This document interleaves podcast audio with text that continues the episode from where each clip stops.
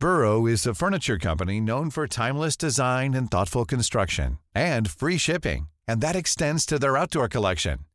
Their outdoor furniture is built to withstand the elements, featuring rust-proof stainless steel hardware, weather-ready teak, and quick-dry foam cushions. For Memorial Day, get 15% off your Burrow purchase at burrow.com slash ACAST and up to 25% off outdoor. That's up to 25% off outdoor furniture at burrow.com slash ACAST. Want flexibility? Take yoga. Want flexibility with your health insurance? Check out United Healthcare Insurance Plans. Underwritten by Golden Rule Insurance Company, they offer flexible, budget friendly medical, dental, and vision coverage that may be right for you. More at uh1.com. Millions of people have lost weight with personalized plans from Noom, like Evan, who can't stand salads and still lost 50 pounds. Salads, generally, for most people, are the easy button, right? For me, that wasn't an option. I never really was a salad guy. That's just not who I am. But Noom worked for me. Get your personalized plan today at Noom.com. Real Noom user compensated to provide their story. In four weeks, the typical Noom user can expect to lose one to two pounds per week. Individual results may vary.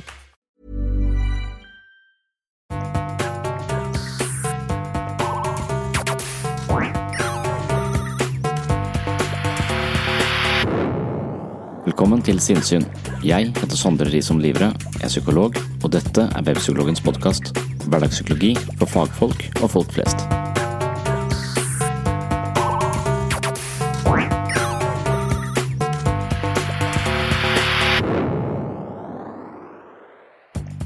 Hver uke møter jeg nye mennesker som har søkt inn til gruppeterapi ved poliklinikken. Jeg møter dem, blir kjent, og deretter forteller jeg litt om hvordan gruppeterapi fungerer. Samtidig forteller jeg litt om hvilke andre faktorer som kan være virksomme i terapi. Jeg kan snakke om gruppeterapi i tre dager i strek, men jeg kan også forsøke å få med det viktigste i løpet av 45 minutter. I dagens episode skal jeg gi deg kortversjonen. Denne episoden er spesielt for de som vurderer gruppeterapi som behandlingsform, terapeuter som vurderer å henvise pasienter til gruppeterapi, men også til folk flest som bare er nysgjerrige på hvordan man ser for seg at mennesker kan utvikle seg psykologisk i møte med andre. Selv om du på ingen måte har psykiske plager, men hører på sinnssyn fordi du er interessert i psykologi og filosofi, kan det hende at dagens episode også tilfører deg noen nye ideer du kan sjøsette i eget liv. Velkommen til en gruppeterapeutisk episode av Sinnssyn. I det store medisinske leksikon har Ulrik Malt skrevet godt, kort og konsist om hovedtrekkene i gruppeterapeutisk behandling. Her kan vi lese at eh, gruppeterapi vektlegger samspillet mellom de enkelte gruppemedlemmene som en kilde til å forstå seg selv og sin atferd i forhold til andre mennesker, og for å lære nye og mer hensiktsmessige samspillsmønstre med andre. Gruppeterapi står slik i motsetning til individuell terapi, som i større grad vektlegger personens indre psykiske liv i form av tanker, følelser, fantasier, drømmer og eventuelt eh, ubevisste prosesser, slik det kommer frem i samtalen med en profesjonell behandler. Men også i gruppeterapi er den enkeltes ubevisste liv av stor betydning, men undersøkelsen av det som ligger i skyggen av vår eh, oppmerksomhet eller bevissthet, og det som da også er med på å styre oss, er en reise man foretar i fellesskap med hjelp av hverandre. Jeg pleier å si at man eh, i gruppeterapi er både pasient og terapeut samtidig, man eh, er der og har som oppgave å speile andre, gi uttrykk for hvordan man opplever andre mennesker, sånn at de kan eh, kanskje forstå seg selv i et litt eh, større perspektiv ved hjelp av dine opplevelser og forståelser. Samtidig så får man denne speilingen tilbake, man blir speilet på en så oppriktig måte som mulig av de andre i gruppa, sånn at man kan kanskje se sider ved seg selv som man ikke tidligere har vært klar over og det å utforske sitt uh, ubevisste sjelsliv på denne måten i møte med andre, det krever at vi er trygge på hverandre, det krever taushetsplikt, og det krever en sånn åpen, nysgjerrig undersøkelse av hvem vi er på innsiden i møte med andre mennesker. Så hvis vi får til dette, får en god kultur i en gruppe, så er eh, potensialet for uh, selvutvikling veldig høyt. Fordelen er da at vi har mange blikk på oss, vi har mange til å forstå oss, vi har mange eh, støttespillere, mens i individualterapi så, jo, så er man jo som regel bare to stykker, deg og en, en, terapeut. I gruppeterapi så får du mange terapeuter, og du får selv muligheten til å agere som eh, terapeut. Det finnes eh, flere ulike former for gruppeterapi, Disse atskiller seg med tanke på teoretisk grunnlag, men også med hensyn til målsetting, varighet og teknisk oppsett. Det vi driver med her på DPS Solvang, kaller vi for mentaliseringsbasert gruppeterapi. Jeg pleier å forklare mentalisering ved hjelp av et eksempel. Noen ganger kan andre virke avvisende og uinteresserte. Da er det lett å tolke deres atferd som en direkte reaksjon på oss selv. Det må være noe galt med meg siden denne personen virker så uinteressert. De fleste har vært i en situasjon hvor de føler seg oversett eller avvist, men det er sjelden noe vi tematiserer i det sosiale livet. I gruppeterapi snakker vi om alt det som ikke snakkes om på fest eller i andre sosiale settinger. Dersom jeg opplever å bli avvist eller ignorert i gruppeterapi, vil jeg si noe om det. Jeg kan si at jeg føler meg uinteressant når personen jeg henvender meg til, ikke svarer, svarer kort eller avfeiende. Da kan det tenkes at personen forklarer meg hvorfor, og kanskje han innrømmer at han er overvelda av angst og for all del ikke ønsker fokus på seg selv. Min henvendelse, selv om den var vennlig, opplevde han som et angrep, og derfor signaliserer han at jeg skal holde meg unna. Når jeg forstår hans atferd i lyset av hans følelser og indre liv, så slipper jeg å tenke at det er jeg som er uinteressant. Istedenfor å føle meg avvist, begynner jeg å kjenne på medfølelse for den engstelige mannen. For meg er det langt bedre å føle på empati enn avvisning, og det samme gjelder for den personen med angst. Det er mye bedre at han merker at jeg har en empati og medfølelse med han, enn at jeg blir irritert fordi han avviser meg. Jeg sier dette fordi det illustrerer den ene siden av vår evne til mentalisering. Mentalisering handler om å forstå andre menneskers ytringer som et uttrykk for deres indre liv. Dersom jeg klarer å se at det er folk som virker avvisende, ofte er usikre, kan jeg møte dem på helt andre måter, samtidig som jeg slipper å føle at det er noe galt med meg. Mennesker som har høy mentaliseringsevne, er flinke til å regne ut andre menneskers psykiske sfære. I tillegg handler mentalisering om å forstå seg selv utenfra. Det betyr at vi i større grad forstår hvordan vi faller ned hos andre. Hvordan påvirker vår væremåte andre mennesker, og hvorfor har vi akkurat denne væremåten i møte med dette mennesket? Å drøfte denne typen spørsmål på en åpen og undersøkende måte kan styrke vår mentaliseringsevne, og god mentaliseringsevne er forbundet med psykisk fleksibilitet, bedre relasjoner og mindre psykiske plager. Deltakerne i gruppeterapi må være villige til å vise åpenhet i gruppen og ivareta taushetsplikt utad. Hvis målsettingen er forandring, må deltakerne være motivert for dette. Gruppeterapi er særlig egnet for personer hvis problemer er direkte knytta til samvær med andre mennesker, som for eksempel lite selvhevdelse, rigide sosiale fasader, sjenanse, avhengighet og mange andre utfordringer som oppstår i møte mellom mennesker. Ettersom jeg driver gruppeterapi ved en allmennpsykiatrisk poliklinikk, har jeg ofte grupper som favner ganske bredt og inkluderer mennesker med mange typer problemer og utfordringer. Mange av våre grupper er ikke rettet inn mot spesifikke diagnoser og symptombilder, men vi jobber ut ifra en mer generell terapiforståelse hvor vi tenker at evnen til å tåle, forstå og uttrykke sine følelser, våge å være sårbare i møte med andre, istedenfor å skjule seg bak ulike beskyttelsesmekanismer, og ikke minst forstå seg selv på en dypere måte og ha mer innsikt i hva som rører seg bak andres sosiale fasade, representerer grunnleggende tematikk som er aktuelt for de fleste mennesker, og at denne typen økt selvinnsikt i egne tanker, følelser og reaksjoner, og ikke minst relasjoner, vil fremme psykisk helse uavhengig av den spesifikke diagnosen. Vi anerkjenner at enkelte diagnoser og problemstillinger krever et skreddersydd og spesialisert tilbud, men den typen gruppeterapi vi driver, sikter mot et bredt spekter av utfordringer. I samhandling med andre utvikler vi oss og lærer oss selv å kjenne. Når våre relasjoner korrumperes eller ødelegges av ulike årsaker, går vi som mennesker mot en eh, tilstand av eh, dekompensering eller fragmentering av egen person og en ledsagende forvirring om hva som egentlig er meg, og en dyptsittende følelse av mindreverd. Dette fører ofte til isolasjon for å hindre ytterligere forverring. Det vil si at mange psykiske problemer oppstår i relasjon til andre mennesker og problemer i disse relasjonene. De som velger gruppeterapi, har mange forskjellige problemer som angst, depresjon, psykosomatiske problemer, stresslidelser, følelsesmessige svingninger, identitetsproblemer og mye mer, men felles for disse symptombildene er at de påvirker ens forhold til andre mennesker og vanskeliggjør gode og intime relasjoner. Uten gode relasjoner blir mennesker ensomme og symptomene forverres. I gruppeterapi ønsker man å håndtere, plassere, forstå og kurere nettopp den typen problematikk som har en mellommenneskelig komponent, og når alt kommer til alt, har de fleste psykiske lidelser et slikt relasjonelt aspekt. Så lenge gruppen er godt tilrettelagt og nøye vurdert i forhold til deltakerne, er gruppebehandling en svært god terapiform.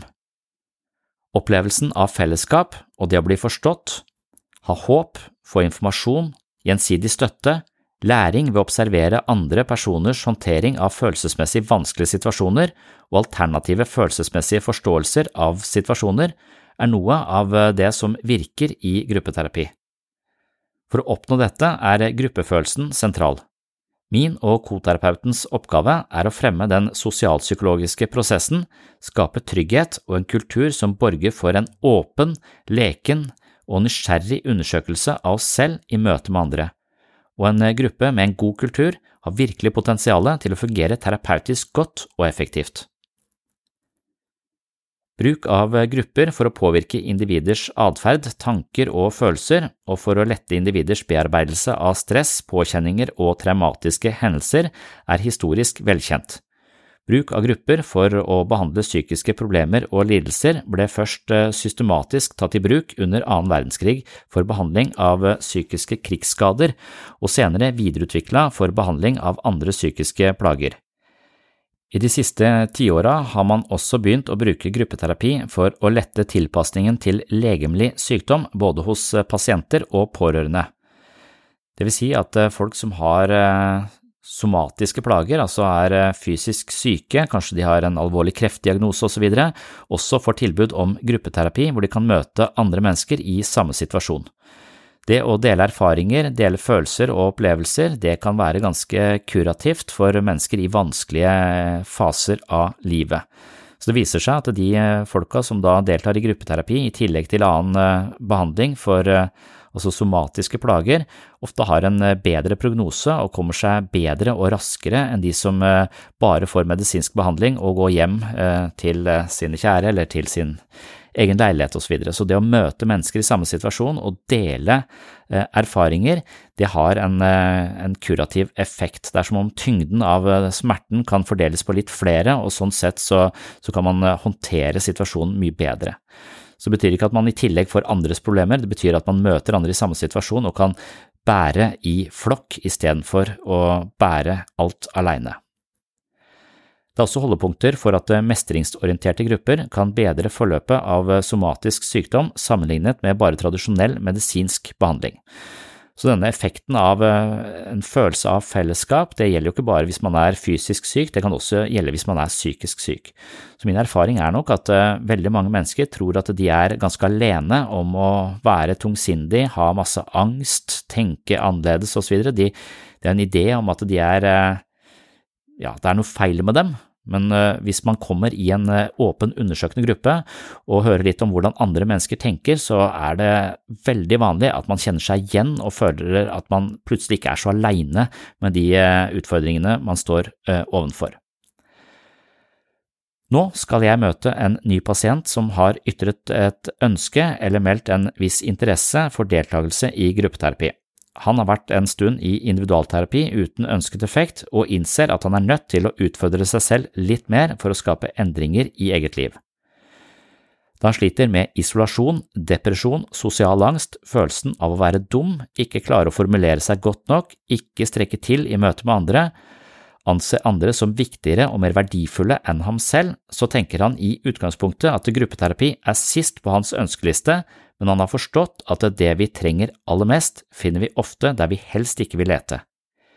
Gruppeterapi er med andre ord ikke et sted han ønsker å lete etter bedre psykisk helse, men han har altså skjønt at det psykiske plager ikke forsvinner av seg selv i komfortsonen eller dersom vi forsøker å unngå den med ulike fluktforsøk, men snarere at veien til et rikere liv er via en dypere forståelse av smerten, inn i smerten og deretter ut på andre siden. Derfor stiller han opp på mitt kontor, vi hilser, og det du nå skal få høre, er den delen av timen hvor jeg forteller litt om hva denne prosessen eh, innebærer, og hva denne personen kan vente seg i vårt eh, gruppeterapeutiske program, som ikke bare består av mentaliseringsbasert gruppeterapi, men også en rekke andre gruppeterapeutiske settinger. Jeg rekker ikke å si så veldig mye, men jeg tilstreber å lage en kondensert fremstilling av det vi driver med ved gruppeenheten på dette distriktspsykiatriske senteret som ligger ved foten av Ravndalen og Baneheia, noen få kilometer utenfor Kristiansand sentrum. Hvis du vil høre den lange, mer faglige og detaljerte versjonen av mine tanker rundt gruppeterapi, finner du dette i episode 119 og 120 her på podkasten. Jeg har også skrevet i det vide og det brede om gruppeterapi i en egen seksjon inne på webpsykologen.no. Du finner relevante linker i shownotes til denne episoden. Nå tar jeg imot min neste pasient, og du kan få være med som flue på veggen.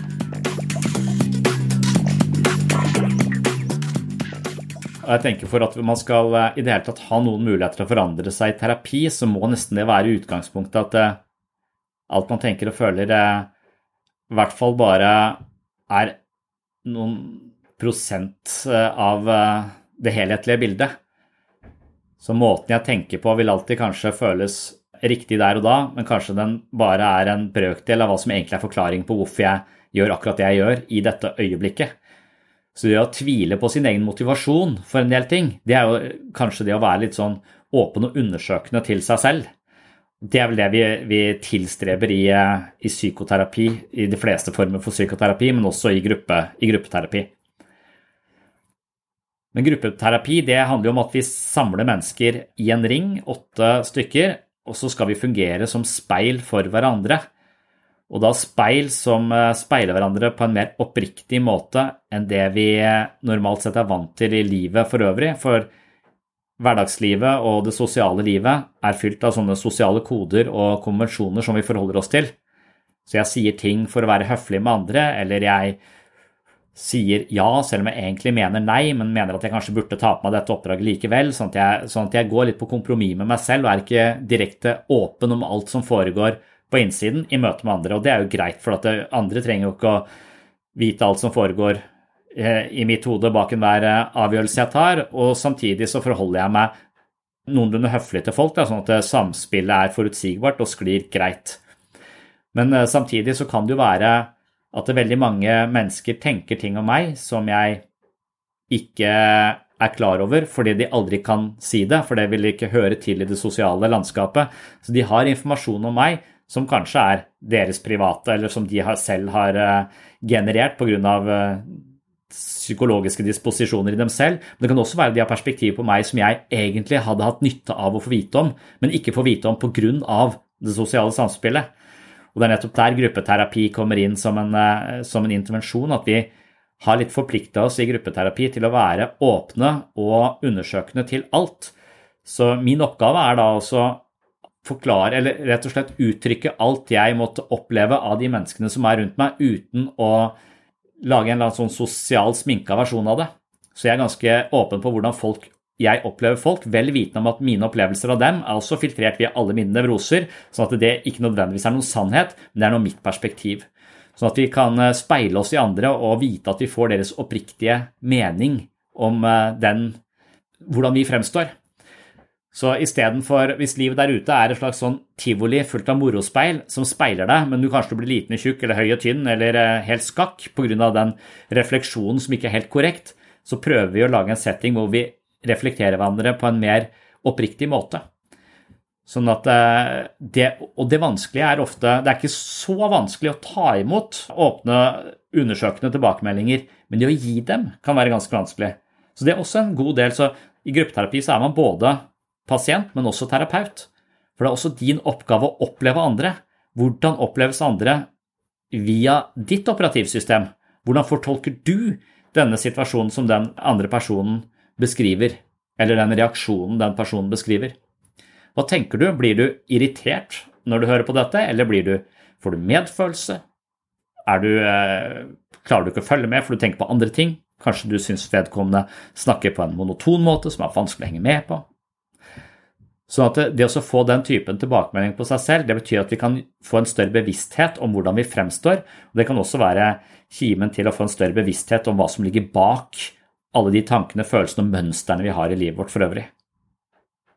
Hvis vi tar et helt, helt konkret eksempel som jeg pleier å bruke at jeg, jeg, har selv vært i gruppeterapi mange, i flere omganger som en del av utdannelse. Og så pleier jeg å snakke om en person som satt uh, til venstre for meg i gruppeterapi. Og når han begynte å snakke, så begynte jeg å tenke på hva jeg skal ha til middag. Og, og da, da, var ikke jeg helt, uh, helt på. Også, uh, mens når en annen hun dama som satt til høyre for meg, snakka, så fulgte jeg alltid med. Eller når han mannen som satt eh, rett overfor meg, snakka, så fulgte jeg også alltid med. Men når han som satt til venstre for meg, begynte å, begynte å, prate, så prøvde jeg å henge med, men så falt jeg ut. Og Da begynte jeg å bli interessert i hvorfor faller jeg ut når han snakker. Og Da begynner jeg i første omgang å høre etter hva er det med informasjonen hans. Har han kjedelig informasjon? Men det hadde han ikke. Informasjonen hans var akkurat like interessant som de andre sin informasjon. Det var ikke noe galt med informasjonen, men likevel så, så falt jeg eh, ut. Og i gruppeterapi så tenker man at djevelen er i detaljene. Eller i terapi generelt så tenker man at djevelen er i detaljene. Sånn at, så at istedenfor å bare Hvis dette hadde vært i det sosiale livet, så hadde jeg bare tatt meg sammen og prøvd å følge med når han snakker. For jeg merker at oi, her er jeg ukonsentrert. Jeg må følge med litt ekstra når han i gruppeterapi eh, så, er jeg liksom programforplikta til, til, å si noe om det som faktisk foregår i meg. Så da sier jeg eh, rett ut eh, at eh, vet du hva, du får ikke den oppmerksomheten jeg syns du fortjener av meg. Når du begynner å snakke, så er det som om jeg faller ut, og det syns jeg er synd for deg, og jeg syns det er synd for meg. Hvordan skal vi tenke om dette? Jeg har ikke noe svar på dette, men det er min opplevelse der og da. Og da åpner jeg for en slags undersøkelse. Mm, hva foregår mellom oss? Kan det være at jeg er så selvopptatt at jeg ikke gidder å høre på andre? Eller kan det være noe han eh, kan få noe ut av, noe som kan fortelle noe om hans måte å være på? Og når jeg sier det, at jeg faller ut, så sier han vet du hva, det opplever jeg veldig ofte i livet mitt for øvrig. Av og til så sitter jeg i møte på jobben, og så sier jeg noe, og så går det ti minutter, så sier noen andre det samme, og da henger folk seg på. Men når jeg sier det, så faller de liksom av. Så, så det er som om jeg føler meg som en, en, et usynlig menneske. Veldig ofte så føler jeg at jeg må jobbe hardere enn andre for å beholde folks oppmerksomhet i en gruppe med mennesker. Jeg føler at jeg lett blir gjennomsiktig, at, ingen, at de ikke, ikke ser meg eller hører meg. Og Dermed så er dette altså kanskje et mønster i livet hans, hvor han ser at andre mennesker ikke helt henger seg på han. Og Når han ser det, så tror jeg det går utover selvfølelsen hans. Han føler seg verdiløs, han føler seg mindre interessant, og, det kan på sett og vis være en av årsakene til at han er ganske deprimert. Og Da eh, tenker man også i denne typen terapi at eh, fortiden vår lever litt i nåtiden. Så de tingene vi har opplevd tidligere i livet vårt, det er med på å forme den personen vi er i dag. Og da kan det være at det finnes noen forklaringer på hans hva skal man si, litt eh, kjedelige måte å være på, som ligger tilbake i tid. Og Det han forklarer, er at han vokste opp i en superstreng familie som var kjempereligiøs. Du skulle bare være prektig, dydig, ordentlig, perfekt. Det var ikke egentlig god takt og tone å verken være sint eller være lei seg eller være veldig glad. Du skulle bare være nøytral og prektig og ordentlig. Sånn at det å føle mye, det ble sett på som eh, sosialt uakseptabelt i hans familiesystem. Så Dermed så lærte han seg å skru av følelsene og bare fungere med hodet og rasjonelt istedenfor å på en måte eh, farge de tingene som han formidler med følelser. Så Når han da tar med seg dette som et mønster, hvor han snakker om ting uten å føle så mye for det, så mister han folk. For det er ofte så mener man at opp mot 80% av det vi formidler, handler om hvordan, hva vi føler, og hva slags eh, engasjement vi har rundt det vi sier. Og Hvis du ikke har noe engasjement eller følelse for det du sier, så blir det det er litt som svart-hvitt-TV. Du, du, får ikke noen farger, det er ikke noen nyanser. Det blir litt trått og kjedelig. Og, og, dermed, så når han formidler alt på denne måten, uten å være følelsesmessig forankra i det han sier, så klarer ikke folk å følge med. For det er via hans følelser jeg henger meg på. Det er der jeg kobler meg på han. Kanskje føler jeg helt annerledes enn han. Det syns jeg er kjempeinteressant. Eller så føler jeg helt likt, så jeg ikke Oi, vi er helt like. Så der mennesker kobles sammen i, i følelsene. Og hvis du lar de Eh, hvis du har satt en parentes rundt de på et tidlig tidspunkt for de ikke var aksepterte der du vokste opp, så kan det være en av årsakene til at du opplever deg selv som et litt uinteressant menneske, og det går utover selvfølelsen din fordi du hele tiden merker at du kommer til kort i sosiale settinger. Og da blir hans oppgave i gruppeterapi ganske konkret. Du skal kjenne etter hva du føler før du sier noe. Hvorfor vil du formidle dette akkurat nå? Hva føler du nå?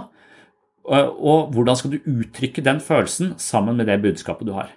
Og det er en del av eh, essensen i i gruppeterapi Altså, jeg oppdager noe i meg i møte med en annen som jeg blåser opp, gjør stort, og han klarer å fange det og forstå seg selv ut ifra det. Så han blir speilet på en annen måte enn det han ellers, eh, ellers blir.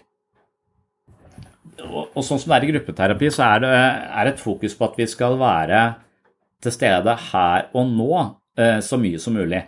Og det betyr egentlig at vi at med en gang folk begynner å fortelle historier fra livet sitt, som da altså er fortolkninger de har gjort av sitt eget liv, så vil ofte fortolkningene være preget av alle mulige tankefeil og selvfølelse og alle mulige sånne feilskjær vi har når vi skal prøve å oppleve oss selv og våre egne muligheter og vår egen verdi osv. Så, videre.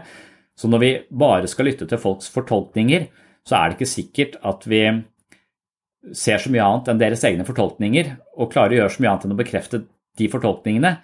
Og når man da tenker på at alt folk tenker og føler er sånn bare delvis riktig, eller kanskje helt feil, så, så kommer vi ikke så langt med det. Så gruppeterapi har den fordelen at uh, istedenfor å rekonstruere historier om vårt eget liv, det er vi nødt til å gjøre litt for å kjenne litt hvem er, hvem er du, hvor kommer du fra? Sånn at vi har litt referanseramme på hvem, eh, hvem, du er, eller hvem dette mennesket i terapi er. Men hvis vi får for mye av det, så blir det vanskelig for gruppa å henge, henge på. Så gruppeterapi er mye bedre hvis man i gruppeterapi istedenfor å fortelle hvem man er, reagerer på andre. For idet man spontant reagerer på andre, enten at man 'oi, det irriterer meg', når du snakker så blir jeg utålmodig, eller du vet hva, når du snakker så blir jeg helt på gråten, det er nesten som du beskriver meg.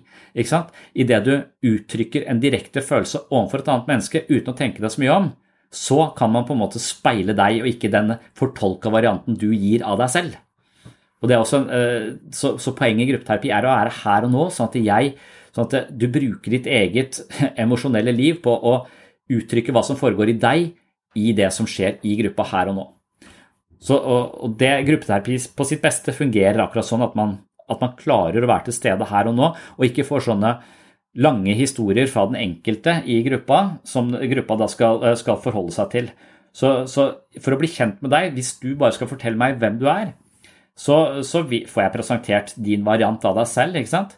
Mens eh, hvis jeg får oppleve deg i møte med andre og dine spontane reaksjoner, så kan være jeg kan gi deg verdifull perspektiv på hvordan jeg opplever deg direkte in action. Og jeg tror det er gruppeterapiens sånn virkelige altså nisje. da, At vi istedenfor bare reproduserer ting, kan eh, ta ting der og da og se de in action. Det kan man til en viss grad i individualterapi, men jeg tror det er lettere å, å se hvem mennesker er når de er i en kontekst av litt flere folk. If you thought the only way to get a more defined jawline with natural-looking results was through surgery, think again. Juvederm Volux XC is a non-surgical injectable gel filler that improves moderate to severe loss of jawline definition and can help you achieve natural-looking results with little downtime. Even better, this improved definition lasts up to one year with optimal treatment. No maintenance required. Improve jawline definition for a smooth, sculpted look with Juvederm Volux XC. For important safety information and to find a licensed specialist, visit juvederm.com. That's J U V E D E R M.com. Not for people with severe allergic reactions, allergies to lidocaine, or the proteins used in Juvederm. Common side effects include injection site redness, swelling, pain, tenderness, firmness, lumps, bumps, bruising, discoloration, or itching. There's a risk of unintentional injection into a blood vessel, which can cause vision abnormalities, blindness, stroke, temporary scabs, or scarring. Talk to a licensed specialist specialist to find out if it's right for you. I'm Sandra, and I'm just the professional your small business was looking for. But you didn't hire me because you didn't use LinkedIn jobs. LinkedIn has professionals you can't find anywhere else, including those who aren't actively looking for a new job but might be open to the perfect role, like me. In a given month, over 70% of LinkedIn users don't visit other leading job sites. So if you're not looking on LinkedIn, you'll miss out on great candidates like Sandra. Start hiring professionals like a professional. Post your free job on linkedin.com slash people today.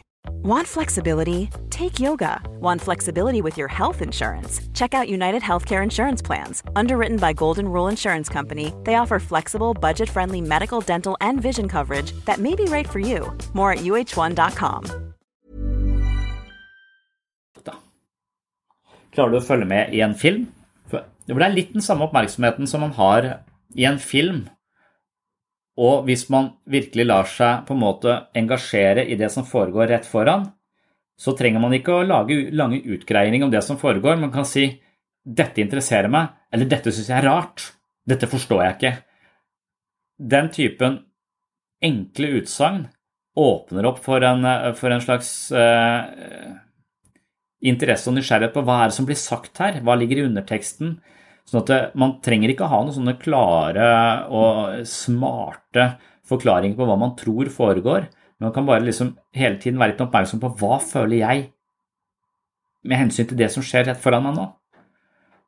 Og ikke minst, når jeg da forteller det, så blir jeg plutselig synlig.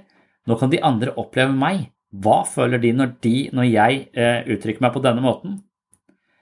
Og Hvis du da syns det er vanskelig å, å lage sammenhengende resonnementer, eller føler at du klarer å forklare deg, så, så, så, vil det kanskje være det som blir speila. Altså og, og hva, hva, ligger bak det? Er det nervøsitet? Er det prestasjonsangst? Er det hva, Hvordan skal vi få forstå den uroen? For noen mennesker kan jo være en gruppe og rett og slett bli Jeg har møtt mange som sier at angsten fordummer meg når jeg er i grupper, så virker jeg dum. Og det, er for, og, og det er sånn helt faktisk så klarer ikke jeg å si noen fornuftige setninger fordi at jeg har så høy alarmberedskap at eh, hjernen min nærmest slutter å fungere. Og det er ikke helt, eh, helt uvanlig. Men da er nok greia med gruppeterapi at eh, vi har en slags ramme der. Vi har en taushetsplikt. Vi har ting vi, altså, vi, forholder oss til hverandre på en ganske åpen måte, og hvis det blir uoverensstemmelser eller konflikter, så løser vi det hele veien. Det er det som er innholdet i gruppeterapi, er å forstå seg selv på en dypere måte. Så selv om det høres ut som et skremmende fora, fordi denne åpenheten er ganske markant, da, så er nok, vil jeg påstå, at en, en, skoleklasse er mye mye mer skremmende, for der veit du ikke alltid hva folk tenker. De bare går og snakker bak ryggen din, eller de skviser deg ut i sosiale, på sosiale plattformer. Det skjer så mye sånn i skyggen, og dermed så vil man hele tiden kanskje måtte være litt på vakt for hva skjer egentlig, mens i gruppeterapi så er altså, vi tilstreber at ingenting er i skyggen. Alt skal opp og synes, og det kan virke skremmende, men etter hvert som man klarer å forholde seg til det, så blir nok det ganske mye tryggere.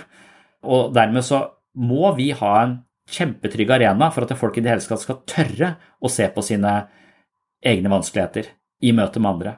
Så trygghet er selve utgangspunktet for all form for eh, forandring.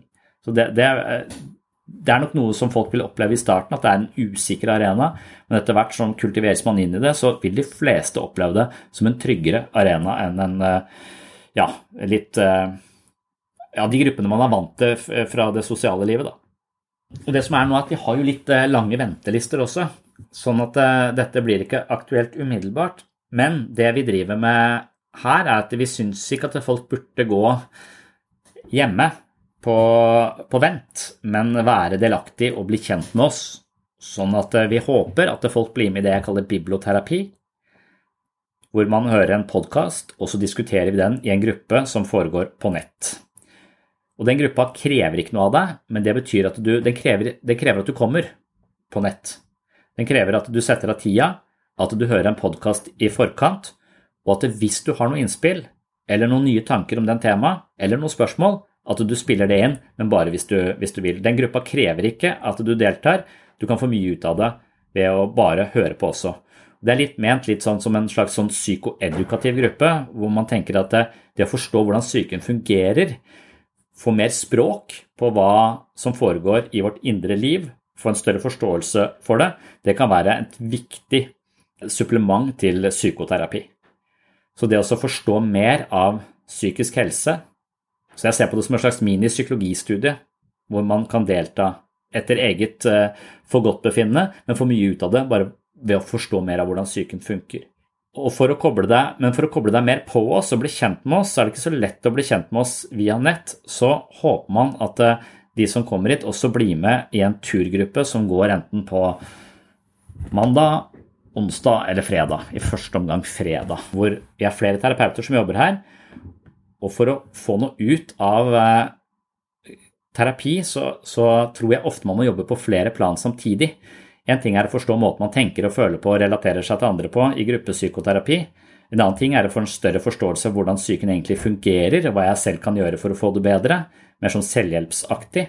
En annen ting er jo også å være, ha en slags praksis for å være sosial, ikke bare låse seg inne. Det er mange som er ganske isolerte når de kommer hit. Det å finne en, en, arena for faktisk sosial samhandling samtidig som man beveger seg noe, det kan også være en helt avgjørende del av eh, så det er mange av disse det vi kaller supplerende tiltak som fungerer som lim. sånn at man, hvis man virkelig, hvis man bare blir sånn, kommer inn her innimellom uten å føle noe tilhørighet, så tror jeg det er vanskelig å forandre seg også i psykoterapi. Hvis man deltar i litt flere grupper, så blir man en del av kulturen her. Man blir kjent, vi kjenner deg, og så får vi en, en, relasjon som ikke bare handler om psykoterapi og selvforståelse, men også at du, at du blir en del av et miljø for forandring. Og det, det, er derfor jeg liker å se på dette stedet som et eh, hva skal man si, et universitet for forandring, og ikke bare et sted hvor vi behandler folk på minussida. Jeg nevner her at eh, på DPS-et så driver vi mange ulike typer grupper. Vi driver med yoga, vi driver med mindfulness, vi har dette med psykoedukasjon i det jeg kaller biblioterapi. Vi har også det vi kaller for økoterapi, som rett og slett er at man beveger seg ute i naturen. Det er en sosial gruppe, det er også en gruppe som handler om fysisk aktivitet, men også nærhet til naturen, og litt vekk fra skjermen. Det er mange eh, helsemessige gevinster ved å være ute i naturen, og veldig mange som sliter med psykisk helse, er mye innendørs, isolerer seg mye, har lite nettverk osv. Derfor så opplever vi at eh, mange som eh, har rett til helsehjelp i psykisk helsevern, trenger å jobbe på flere plattformer samtidig for å skape forandring. Hvis man bare går og snakker om problemene sine, så er det ofte at man ikke kommer i mål, eller bare kommer halvveis i mål, og så faller man tilbake i gamle mønstre etterpå. Det å virkelig få noen nye rutiner, treffe noen nye folk, ha noe innhold i hverdagen og mening i tilværelsen, det er noe vi tilstreber å oppnå i gruppeterapi ved DPS eh, Solvang. Og når jeg da sier at eh, biblioterapien fortrinnsvis er på nett, så betyr det at vi har eh, hvis ikke det er pandemi, så har vi grupper på huset, og det opplever vi som mer virkningsfullt enn terapigrupper på nett.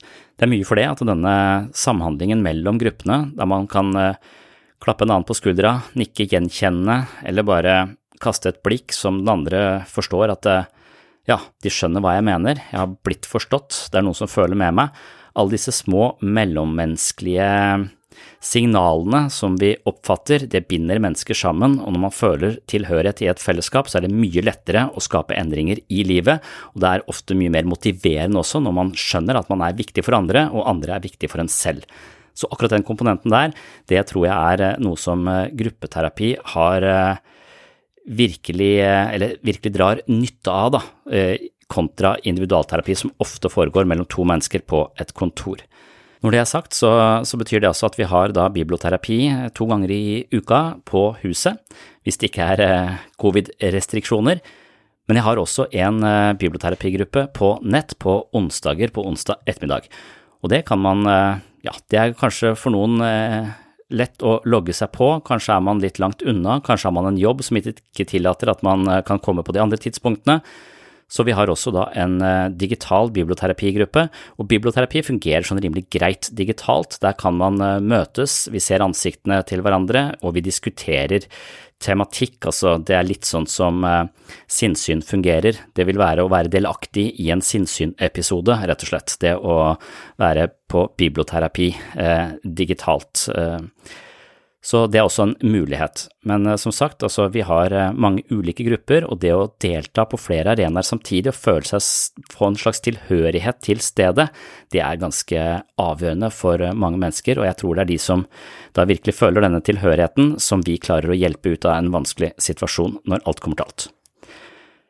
En annen ting er at eh, det man lærer om seg selv i gruppeterapi, i biblioterapi, i møte med andre osv. på ulike arenaer, kanskje lærer man å kjenne kroppen sin på en annen måte i kroppsbevissthetsgruppe, som vi også har, da vi har en eh, dyktig fysioterapeut som har et eh, skarpt blikk for hvordan kroppen også uttrykker både smerte og holdninger og selvfølelse. Så hvis man klarer å gjøre den typen forandringer, så må man også klare å implementere den innsikten i livet for øvrig. Så vi har også målsettingsgrupper som sikter på å orientere oss ut mot livet utenfor hva skal vi si, gruppeterapien, sånn at man klarer å bruke det man har lært om seg selv i livet for øvrig. Så dermed så har vi ofte en tidsbegrensning på de gruppene som foregår hos oss. Nå for tiden så bruker vi å si at folk går ca. ett semester. Det betyr at man da ofte går fra nyttår og frem til sommeren, eller fra endt sommerferie og fram til juleferie. Det er baseline, på sett og vis. Og så vil vi hele tiden vurdere om enkelte trenger kortere tid, og noen kan trenge noe lengre tid. Men hvis vi har eh, terapiprosjekt eller et selvutviklingsprosjekt som går på ubestemt tid, så vil vi ofte ikke dra veksel på uh, terapien i like sterk grad. Hvis vi vet at dette her er begrensa, jeg har en viss tid på meg, så vil veldig mange gire opp litt og gjøre en litt mer aktiv innsats for å skape forandringer i eget liv, og det gagner både dem selv og gruppa de hører til. Så det er også et eh, viktig moment her, at man ikke går på ubestemt tid, men ofte baserer seg på å gå ett semester hos oss. Og mens jeg da likevel har brutt inn i denne litt eh, adhoc forklaringen på hva vi driver ved gruppeterapeutisk enhet hos oss, så kom jeg på at jeg har glemt å nevne fysisk aktivitet som et eh, viktig siktepunkt for behandlingen ved DPS. Det betyr at vi har omtrent daglige treningsgrupper av ulike kalibre og fasonger, som da er i regi av en fysioterapeut som virkelig brenner for forholdet mellom det å være fysisk aktiv, ha god fysisk helse og psykisk helse. Der er det tusenvis av ting som tyder på at et aktivt liv også har en enorm påvirkning på den mentale helsa vår, og det har jeg snakket om i mange andre podkaster. Jeg har også snakket om hvordan naturen påvirker vår mentale helse i andre podkaster. Jeg har snakket om hvordan innsikt og det å kunne forstå hvordan eh, psyken fungerer også er avgjørende for forandring i andre episoder her på Sinnssyn. Så ja, alle disse temaene og begrunnelsene for hvorfor vi driver disse ulike gruppene, og hvorfor vi hele tiden er ulike fagfolk, altså vi er en psykolog, vi er en eh, fysioterapeut, vi har en ergoterapeut med spesialutdannelse eller lang utdannelse i gruppepsykoterapi. Vi har en psykiatrisk sykepleier med lang erfaring fra gruppeterapi, og vi har faktisk en coach som har en enorm innsikt i forholdet mellom det psykiske og det fysiske, og måten vi mennesker tenker på, og hvordan det påvirker livet vårt. Så vi prøver å være så tverrfaglige som mulig, og vi har også grupper som speiler denne tverrfagligheten, fordi vi tenker at det psykiske plager, det må vi intervenere på fra ulike vinkler for å virkelig skape forandring. Så ja, da har jeg også nevnt disse treningsgruppene våre, som jeg selv drar eh, nytte av fordi jeg er småbarnspappa og får ikke trent på ettermiddagen. Derfor så er jeg med på en del av disse treningsgruppene, sånn at jeg får trening i arbeidstida, rett og slett. Og det er vel egentlig ikke bare derfor heller, det er for å være en del av miljøet, det er for å møte mennesker på lik ulike arenaer i dette felles prosjektet vi har om å leve på best mulig måte for oss selv og de menneskene som står rundt oss.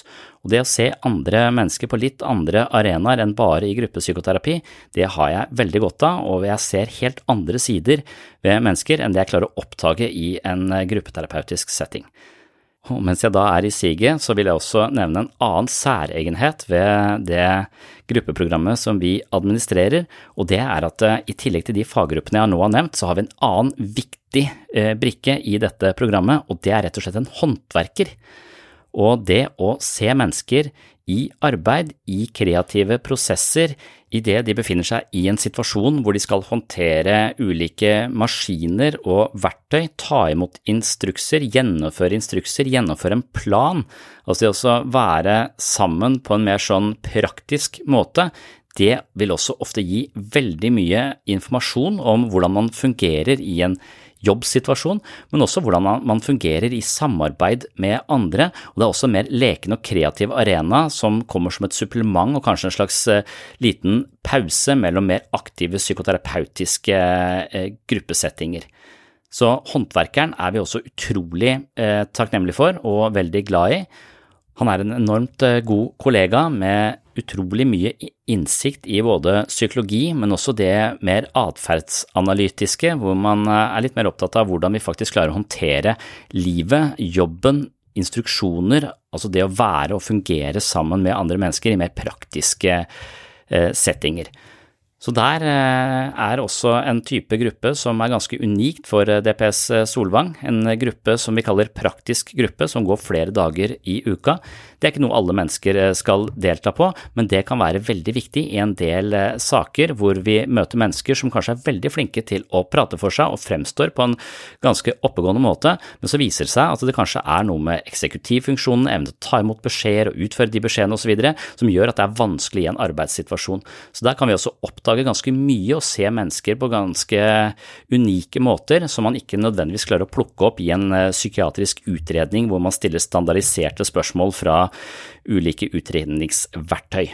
Så det å se mennesker litt utenfor kontoret, møte de i trening, møte de i, eh, i jobb osv., det skaper også en mer helhetlig forståelse av hvem vi er, hvem vi er sammen og hvordan vi eh, fungerer, og hvilke områder vi ikke fungerer så optimalt på, og hvordan vi eventuelt kan tilrettelegge det når man tenker på at man kanskje skal ut i jobb eller eh, fungere i familielivet, i hverdagslivet osv. Når jeg har sagt alt dette, så har jeg i hvert fall nevnt mine nærmeste kollegaer. Jeg har nevnt håndverker, jeg har nevnt eh, coach, jeg har nevnt eh, psykiatrisk sykepleier, jeg har nevnt ergoterapeut, med, som også er diplomert gruppeanalytiker, og jeg har nevnt eh, fysioterapeut og meg selv da som er psykolog.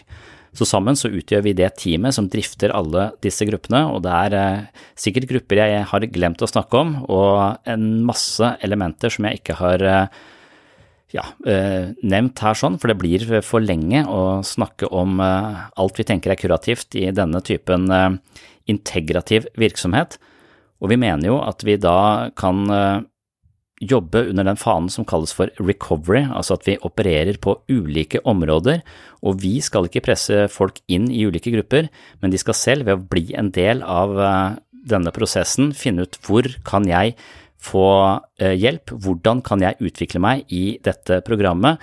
Hvilken del av programmet skal jeg investere i, og hvilken del er ikke så viktig for min eh, del? Kanskje er du medlem av eh, Turistforeningen og går tur hver fredag og søndag sammen med en haug med mennesker. Det er ikke sikkert at turgruppa er stedet du skal investere mest, men kanskje det da er mer i styrketrening og meditasjon og eventuelt da gruppepsykoterapi, eller det å forstå mer av hvordan psyken fungerer i biblioterapi. Så det å sette sammen et opplegg som passer for den typen problematikk den personen som kommer på mitt kontor har, det er en vesentlig del av eh, min jobb, rett og slett for å skreddersy et eh, program som intervenerer på litt flere områder samtidig, og da til sammen kan finne ut og lage en målsetning innenfor dette semesteret vi har til rådighet om hvordan denne personen skal klare å jobbe med seg selv, og hele tiden da hvordan denne jobben skal få ringvirkninger ut i det livet man skal leve.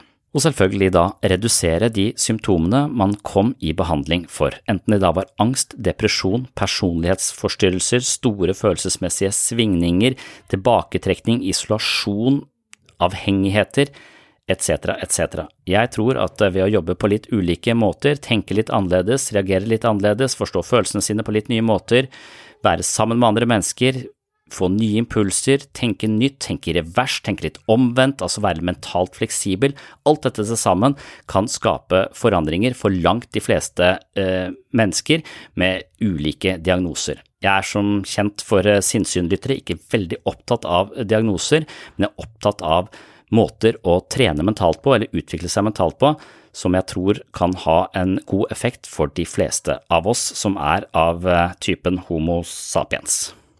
Og så kommer jeg selvfølgelig på en del andre ting jeg har glemt. Jeg sier at jeg får ikke nevnt uh, alt vi driver med i alle grupper, men det er et par grupper til jeg bare er nødt til å nevne, sånn siden jeg prøver å favne så bredt som mulig her. Og det er kunst- og uttrykksterapi. Vi har altså en egen kunst- og uttrykksterapigruppe som eh, passer for eh, mennesker som ikke nødvendigvis eh, alltid klarer å uttrykke seg verbalt, i hvert fall ikke klarer å favne sine egne opplevelser i verbale uttrykk sånn i første omgang. Så mens mye av målet i psykoterapi er å gjøre det ubevisste bevisst, altså få en litt større oversikt over hvorfor vi gjør akkurat det vi gjør når vi gjør det, hva ligger bak eh, våre ulike motivasjoner? Hva lurer i skyggen av det vi mener å vite om oss selv, men som likevel er drifta av en hel haug av impulser vi ikke er helt klar over? Det å få litt mer kål på det, få litt mer forståelse for det, det betyr å forstå seg selv på en litt, mer, på en litt dypere måte. Og noen klarer det ved å analysere seg selv eller speile seg i andre, og bruke det verbale til å tegne opp nye forståelser i sitt eget indre liv, mens andre har ikke like sterke evner på det verbale, men kanskje har andre uttrykksmåter som fungerer bedre. Og det å uttrykke seg litt mer spontant via tegning, maling osv., det kan være en annen vei å gå til det ubevisste. Så da bruker man altså en 20 minutters tid på å tegne noe. Det er ikke om å gjøre å tegne fint eller bra, det er bare om å gjøre å uttrykke seg, kanskje uten å tenke så veldig mye. Og i etterkant så kan det være at disse tegningene kan avsløre problematikk som eh, stikker litt dypere, og via disse maleriene eller tegningene så kan man kanskje klare å sette ord på en del av de tingene man sliter med som tidligere da lå i skyggen av vår egen oppmerksomhet, men via disse tegningene blir synlige, og når de blir synlige så kan vi også forstå de, og når vi forstår de så kan vi kanskje gjøre noe med de. Så det er altså kunst- og uttrykksterapien, og jeg gidder ikke å snakke så mye om det nå, for jeg har laget en egen episode som da handler om kunst- og uttrykksterapi. Og så er det en siste gruppe som vi driver, som handler om livsstilsendring. Det er en livsstilsgruppe. Og den tar eh, for seg mer konkrete tips og råd til hvordan du kan eh, endre destruktive tankemønster, få et bedre kosthold, bli kvitt noen uvaner, få noen bedre vaner, skape mening i livet, ha struktur i livet, få orden på søvn, finne en eh, praksis for å være mer sosial, finne en praksis for å meditere regelmessig, altså alle de tingene vi vet er sunt for oss mennesker, og da tips og triks til hvordan vi kan implementere det i vårt eh, eget liv. Og Det er coachen som driver eh, denne gruppa, og den har også et mer sånn praktisk fokus på å endre livet sitt, livsstilsendring. Det er altså en gruppe som ikke bare baserer seg på samtaler og innsikt, men også tilstreber å gjøre øvelser og lage nye planer for hvordan du skal legge om livet ditt til en litt annen kurs som eventuelt tar deg til et litt annet sted enn det stedet du er på akkurat nå. Og hvis du har rett til helsehjelp, så er du ofte på et sted som ikke er så godt å være, derfor vil det å kunne endre eh, livsstil på litt ulike områder ofte være veldig verdifullt for mange mennesker. Så dette er en mer konkret eh, gruppe, den går eh, ganske fysisk til verks med å lage planer, rapportere inn ulike eksperimenter man gjør med måten man lever på for å finne ut av er det noen steder jeg kan hente litt mer helse, kan jeg legge meg til en bedre tid kan jeg legge meg litt tidligere hver dag? Kan jeg la mobiltelefonen ligge igjen i gangen istedenfor å ha den med inn på rommet? Vil det gi meg 20 minutter mer søvn hvis jeg tester det ut over en måneds tid? Og det å da ha en gruppe å rapportere inn til og få hjelp til å lage nye planer og nye måter å vinne litt helse på, det kan være veldig, veldig verdifullt, veldig spennende, og den er altså litt mer konkret enn samtalegrupper. Ja, så da, da, tror jeg jeg har vært innom eh, de fleste av de eh, gruppene vi driver, men ofte så legger vi om litt og driver annerledes, men dette er i hvert fall en slags eh, grovskisse av hvordan vi tenker at det å endre livet sitt bør henge sammen. Altså alle trenger ikke alt, men hvert enkelt individ må nok tenke litt på hvilke ulike grupper kan fungere for meg og min problematikk og mine utfordringer, og da tenke litt bredere enn bare det å snakke med et annet menneske Altså, vi snakker jo sammen hele tiden her, men det å også, også, ha litt andre eh, arenaer å jobbe på, det tror jeg kan være ekstremt viktig for veldig mange av de som søker hjelp i psykisk helse i andre linje. Dette høres eh, også litt kommunalt ut, det er ofte denne typen tilbud man også finner i det kommunale helseapparatet eller helsetjenesten. Og jeg synes det er veldig bra, jeg synes det er veldig viktig. Jeg tror at vi begår en urett hvis vi kun driver samtaleterapi med mennesker som for eksempel aldri beveger seg eller ikke driver noen form for fysisk eh, aktivitet. Da tror jeg man kan snakke om depresjonen sin til kuene kommer hjem uten at de egentlig gjør noen forandring. Så det å da begynne å bevege seg litt, kanskje være litt mer sosial, bryte isolasjonen, få en bedre døgnrytme istedenfor at man sitter oppe hele natta og sover på dagen f.eks. Altså alle disse tingene måtte sammen være på plass for at man skal gjenvinne god psykisk helse. Og hvis ikke vi finner en eller annen praksis eh, for det, så tror jeg ofte vi havner tilbake i det samme sporet etter endt psykoterapi.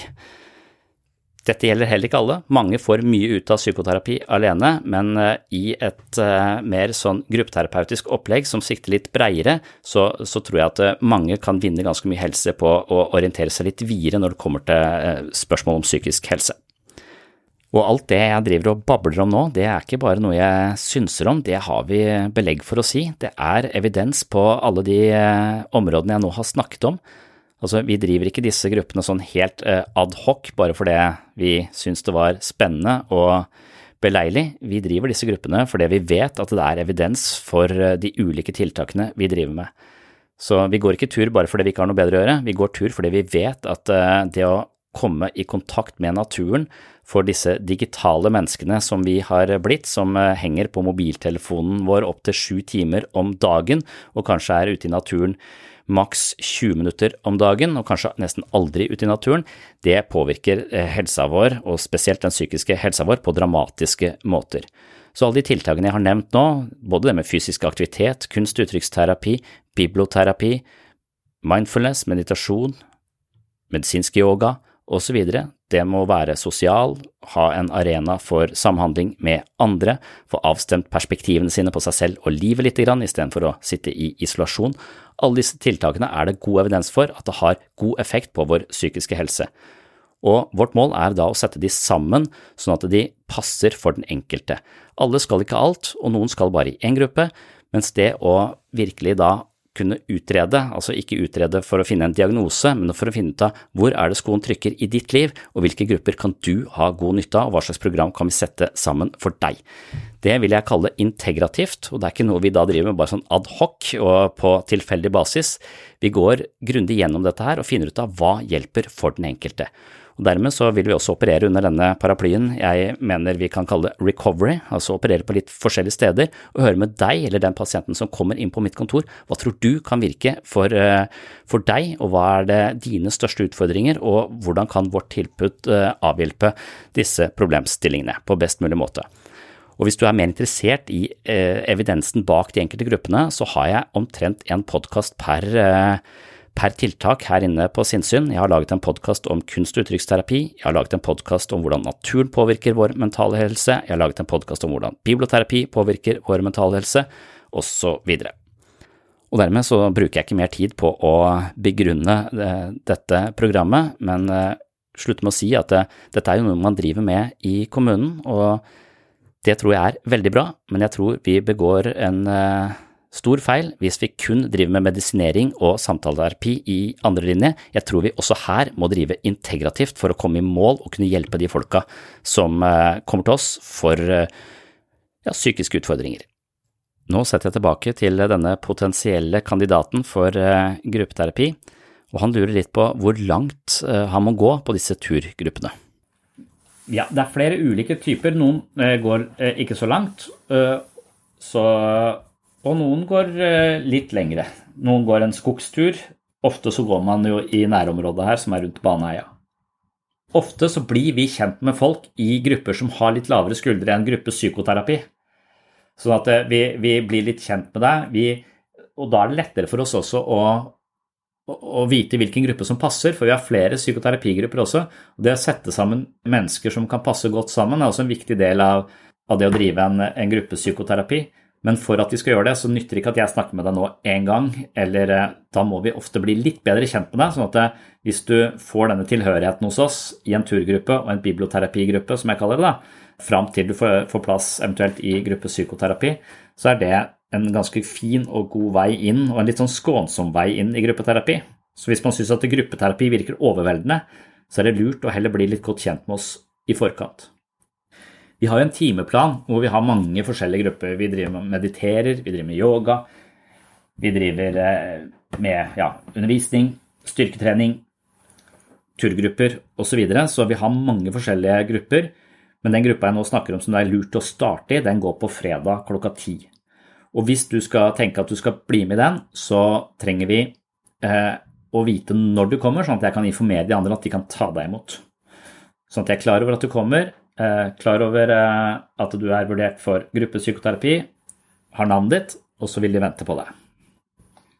Ja, hvis du møter litt før sånn ti på ti, så, så har de tid til å si hei til deg før du, før du går.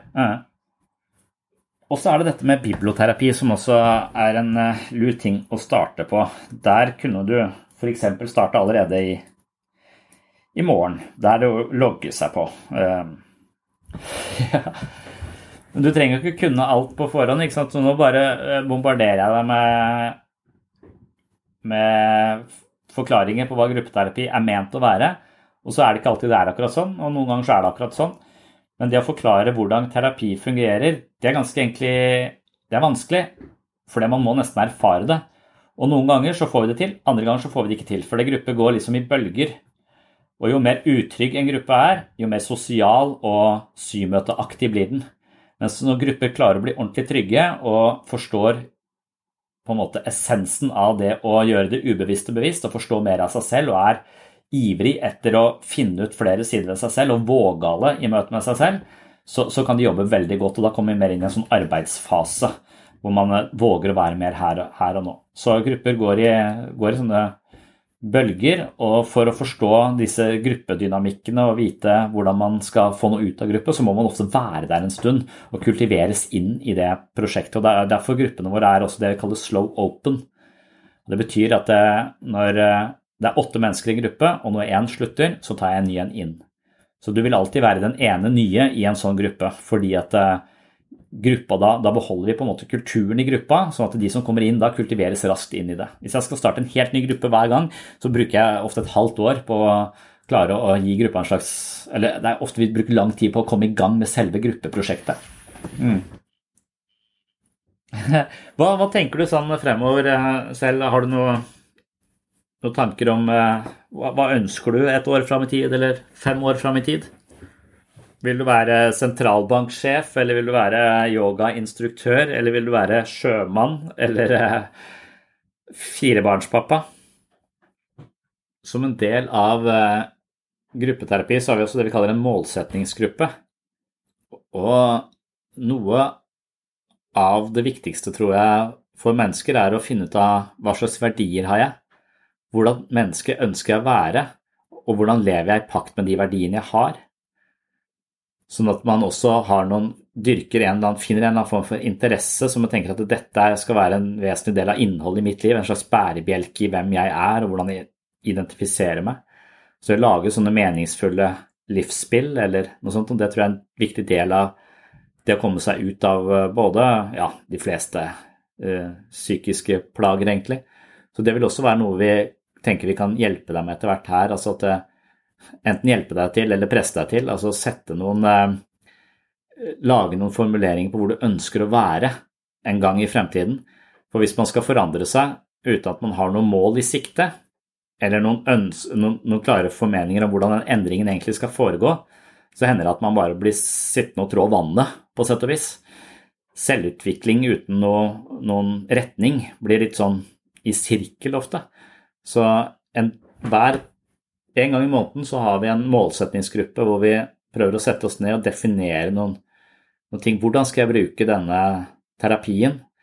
Hvordan skal jeg bruke den innsikten jeg nå har om meg selv i livet mitt for øvrig? Hvilken kurs skal jeg sette? Hva skal jeg gjøre i livet mitt? Hvilke skritt kan jeg ta for å nå de målene? Osv. Og En ting er å sette seg mål, det blir ofte litt sånn løssluppent. Jeg skal komme så så langt, jeg skal løfte så så mye benk, og så, så kommer du dit, og så kanskje du da mister interessen for hele vektløftinga. Men det er kanskje enda viktigere da å finne ut at ah, jeg vil være en person som er godt trent, eller jeg vil være en person som uh, er åndelig interessert, eller uh, en lang karriere som jeg syns er meningsfull. At man har sånn litt langsiktige ting. Hvis man har det i bånd, så kan man blir ganske deprimert, men så blir man ofte tatt imot av de meningsbærende bjelkene vi har i livet vårt. Og uten de så tror jeg vi faller helt ned i kjelleren gang på gang. Så det å finne noen sånne litt sånne langsiktige ting som skal være grunnpilarene i ditt liv, det vil også være en ganske viktig del av å, å komme seg videre. Da har du et sted å stå når, når, du møter masse motvind. Det er ikke sikkert du detter helt ned i kjelleren alltid, men hvis du har noen sånne grunnpilarer, så står vi litt sterkere. Det kan være jeg skal bli sjakkspiller, eller jeg skal Det kan være hva som helst, men noe som du liksom har en slags Noe som gjør at det er viktig å stå opp om morgenen. Ja, eh, målsettingsgruppa det er noe som foregår én gang i måneden, men det er en del av selve gruppeterapien. Så det er når man kommer inn i gruppepsykoterapi, så gjør vi om en gruppe hver måned til en målsetningsgruppe hvor den enkelte går litt igjennom. Får jeg noe ut av dette? Er det en vits i å være her? Hva kan jeg gjøre annerledes for at det skal bli mer meningsbærende for meg? Og hva skal jeg gjøre i livet mitt for øvrig? Skal jeg flytte? Skal jeg ha et sted for meg selv? Skal jeg gjøre det slutt med Nav, eller hva, hva, skal man eh, så, så, ha noen sånne, både rent konkret, men også rent, litt sånn terapeutisk, hvordan skal jeg bevege meg videre? Ha noen sikte, siktepunkter. Det er litt sånn, Hvis man ikke har noen, noen, noen kurs, så er det, tror jeg det blir på samme måte som å bare la båten drive, liksom. Du aner jo ikke hvor du havner hen. Og det skaper ofte bare mer angst. altså Du vet jo ikke hvor båten har eh, drifta i løpet av natta. så så våkner du opp i et helt annet, eh, annet, sted. Men hvis du vet litt om hvor du skal hen, så kan du liksom sette på kan du peile inn kursen, og så vil jo båten da, motoren, drive i den retningen, selv om du ikke følger med hele tiden. Ja, i hvert fall sånn at du styr, har en autopilot som går litt i den riktige retningen. da. Hvis du ikke har satt noe, noe, kurs på autopiloten din, så vil den ofte bare ikke gjøre noen ting og bare bli stående. Det eneste du vet da, er at det ikke kommer til å skje noen forandring i morgen kommer til å være helt lik som i dag. Det er som groundhog day. Du våkner opp til samme forbanna dagen hele tida uten noe, noe, bevegelse, og det er jo en del av depresjonen ofte. Så det å ha noen eh, Definere noen, eh, en, en, en retning, det det er, noe mange sliter med, for det er skremmende. For det krever at vi også tar litt ansvar. Og det krever at vi må forsere en god del hinder, og ofte gjøre ting som er eh, litt ubehagelig for oss, byr oss litt imot, som oppleves overveldende og vanskelig hvorpå det er lettere å bare sitte helt stille. Men å sitte helt stille er jo litt som å dø mens man lever. Det er en slags eh, For å unngå friksjonen så prøver man å spille død i livet. Og det er klart det er, eh, det er trygt, men ofte, prisen du betaler, er ofte meningsløshet og, og dyp depresjon på sikt. Da. Men jeg tenker vel kanskje at det, en viktig del av vårt program handler om at du ikke skal være aleine om det. For det å prøve å forandre seg på egen hånd, det er nesten helt umulig. Mens det å forandre seg som en del av et fellesskap hvor du blir viktig for andre mennesker, og andre mennesker blir viktig for deg, noen som venter på deg, noen som heier på deg, noen som utfordrer deg, noen som speiler deg, og du gjør det samme tilbake igjen, det forankrer deg liksom igjen i en gruppe, i et fellesskap som ønsker forandring.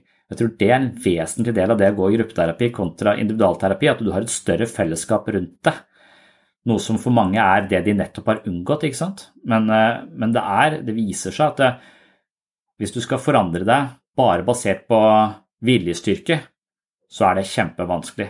Hvis du virkelig vil forandre deg, så må du ofte være med i et fellesskap som kan bære deg når det er vanskelig, og som du kan være med å bære når andre har det vanskelig. Så det å være den, der, den sosiale tilhørigheten, og det også, også ha en slags livskondisjon For hvis man blir stående på livets sidelinje, så blir man ofte stiv. Altså hvis man spiller bare fem minutter av en kamp og så blir stående en stund, så blir man stiv, så er det veldig vanskelig å komme inn igjen. Sånn er det litt med livet også. Hvis du blir stående for lenge på sidelinja, så vil du få en ganske lav livskondisjon. Når du skal begynne å bevege deg, så kjenner du at jeg er helt stiv, jeg får ikke til noe som helst. Så må du liksom løpe ganske lenge før du blir varm igjen. Og sånn er det. Jeg har inntrykk av at eh, folk som havner utenfor jobb osv., de, de, vil oppleve små ting i livet som ganske overveldende, men hvis du har eh, full jobb og tre barn, så vil de tingene de oppleves som overveldende, ikke engang legges merke til, for det er så mye å gjøre. ikke sant? Så vi har, en, vi har en slags standard på hva vi er vant til og ikke vant til. Og det å jobbe opp denne livskondisjonen, det kan gi oss ganske mye mer eh, handlingsrom da, og mestringsfølelse osv. Så, videre. så det å bli med på litt flere grupper, ha noe å stå opp til hver, hver dag, eller i hvert fall flere dager i uka, du har kanskje noen andre tilbud rundt forbi også, noen eh, skole osv. Det å ha en slags timeplan som gjør at eh, vi er litt forankra i en type forpliktelser, det tror jeg også er ganske avgjørende og en del av denne treningen på livskondisjon, men også veldig ofte ting som byr oss imot. da. Å planlegge noe eller avtale noe eller være ventet et sted, for da vi føler det som en slags frihetsberøvelse, på sett og vis, men så er det ofte det som nettopp binder oss til et meningsfullt liv uten noen forpliktelser, så har vi heller egentlig ikke noe som betyr noe, tenker jeg ofte. Og det er det viktigste for meg. Altså, jeg driter litt i hva slags diagnoser folk har. Eh, men jeg er veldig opptatt av om de har et slags ønske om å endre seg. Har de ønske om å leve annerledes, forstå mer? Eh, så, og den motivasjonen, den er inngangsbilletten hit. da. Altså, jeg, Akkurat diagnosen din jeg, det spiller ikke så stor rolle for meg, men har du et ønske om å forstå mer og, og lære og bevege deg i litt andre retninger enn du har gjort før, så, så tror jeg vi kan hjelpe. Da gjør vi et forsøk. Da setter jeg deg nå på vår eh, venteliste. Vi kommer til å gi deg beskjed en god stund i forkant når det eventuelt blir ledig plass i gruppe. Hvis det blir noe sånn oppstartsmøte før det, så får du beskjed om det. I løpet av eh, nå ettermiddagen så vil du få en mail fra meg med tidspunkt for biblioterapi og tidspunkt for oppstart i den turgruppa. Og da melder jeg til mine koterapeuter at de kan forvente deg fredag 25. Og så ser jeg deg eventuelt på nett nå på førstkommende torsdag. Vi sliter med, med koronasituasjonen, at vi ikke kan ha hatt folk på huset her på, på, veldig lang tid. Og det er veldig vanskelig for oss å starte opp folk på nett. For hvis du skal i gruppepsykoterapi, så er taushetsplikt så ekstremt strengt. Så i og med at vi ikke kjenner deg mer enn vi gjør nå, og, og ikke kjenner andre mer enn vi gjør nå, så er det vanskelig for oss å våge å ta de inn i gruppeterapi på nett. For sånn som du må vite også med, med, biblioterapi, at du må være alene i rommet, og du må ha lyden inn i ørene, sånn at ingen andre kan høre hva som, hva som blir sagt. Så, så, vi ligger bakpå pga. dette korona, men nå kommer vi til å starte flere grupper nå rett etter sommeren, sånn at vi prøver å få tatt unna en del av de ventelistene som har bygd seg opp hos oss gjennom denne sesongen eh, her, sånn da, som har vært dritt. Men jeg, derfor så håper jeg at eh, etter sommeren, når vi starter opp igjen da, at vi kan, hvis vi da kan være i hus sånn som vi håper, og pandemien har lagt seg og de fleste er vaksinert osv., så, videre, så så tror jeg ikke det skal ta så lang tid. For da kommer vi til å uh, bare gå all in på å drive og ta folk inn i gruppepsykoterapi så fort som mulig og få avslutta de som har vært der en stund. nå. Og i gruppeterapi så er man ofte ett semester, altså fra, fra sommer til, uh, til, jul, eller fra jul til sommer. Sånn, det er det vanligste. Og så gjør vi vurderinger når det har gått type ett semester på, i dialog med med deg om hvordan du føler deg godt, hva du trenger videre, om dette, ja, sånn. Så det, men normalt sett kan man stille seg inn på ca. ett semester. Supert. Men da får du en mail av meg i løpet av ettermiddagen, og så ses vi på, på torsdag. Kjempefint. Ja, ok. Ha det. Takk for følget gjennom denne timen. Hvis du hører dette og har en avtale med meg i nærmeste fremtid, er det fint om du tenker litt gjennom hva som ble sagt, noterer ned eventuelle spørsmål og ikke minst reflektere over hvordan du tror at dine utfordringer kan avhjelpes i gruppeterapi hos oss. Dette var en beskjed til de som altså befinner seg på Sørlandet, er innrullert i DPS-systemet som følge av en henvisning fra fastlege som siden ble vurdert med rett til helsehjelp på akkurat det DPS-et hvor jeg befinner meg. Jeg håper også at andre lyttere av sinnssyn har fått noe ut av eh, denne episoden, særlig siden du fortsatt hører på. Da har du hørt på ganske lenge, så da håper jeg at det var noe du, ja, du burde ha skrudd av for lenge siden hvis dette her eh, var helt uinteressant for deg. Mange henvender seg til meg og spør om muligheten for å gå i gruppeterapi. Jeg har dessverre liten eller ingen oversikt over hvilke og hvor mange terapeutiske grupper som finnes i Norge. Jeg driver ikke noe privat selv og tar aldri konsultasjoner utenom min jobb ved Sørlandet sykehus. Mitt daglige virke er altså i gruppeterapi, og det jeg driver med privat er eh, først og fremst det du hører på nå, altså sinnssyn. Denne episoden ble likevel litt spesiell fordi jeg ønsket å legge ut noe jeg kan henvise både behandlere og pasienter til ved mitt lokale DPS. Det jeg sa i denne episoden, har jeg sagt hundrevis av ganger, og dersom nye pasienter kan høre dette i forkant av et møte med meg, så kan vi bruke tiden vår mer effektivt når vi treffes. Det var det jeg hadde for eh, denne gang. Takk for følget, og velkommen tilbake i neste episode.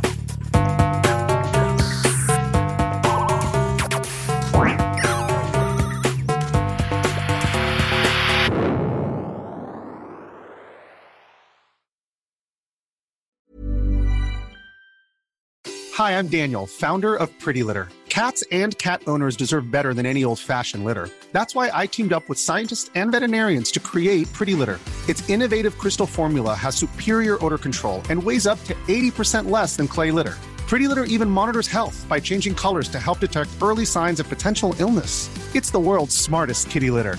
Go to prettylitter.com and use code ACAST for 20% off your first order and a free cat toy. Terms and conditions apply. See site for details. Planning for your next trip? Elevate your travel style with Quince. Quince has all the jet setting essentials you'll want for your next getaway, like European linen, premium luggage options, buttery soft Italian leather bags, and so much more. And is all priced at 50 to 80% less than similar brands. Plus, Quince only works with factories that use safe and ethical manufacturing practices. Pack your bags with high-quality essentials you'll be wearing for vacations to come with Quince. Go to quince.com/pack for free shipping and 365-day returns. Imagine the softest sheets you've ever felt. Now imagine them getting even softer over time. That's what you'll feel with Bowl and Branch's organic cotton sheets. In a recent customer survey, 96% replied that Bowl and Branch sheets get softer with every wash. Start getting your best night's sleep in these sheets that get softer and softer for years to come. Try their sheets with a 30-night guarantee. Plus, get 15% off your first order at bowlandbranch.com. Code BUTTERY. Exclusions apply. See site for details.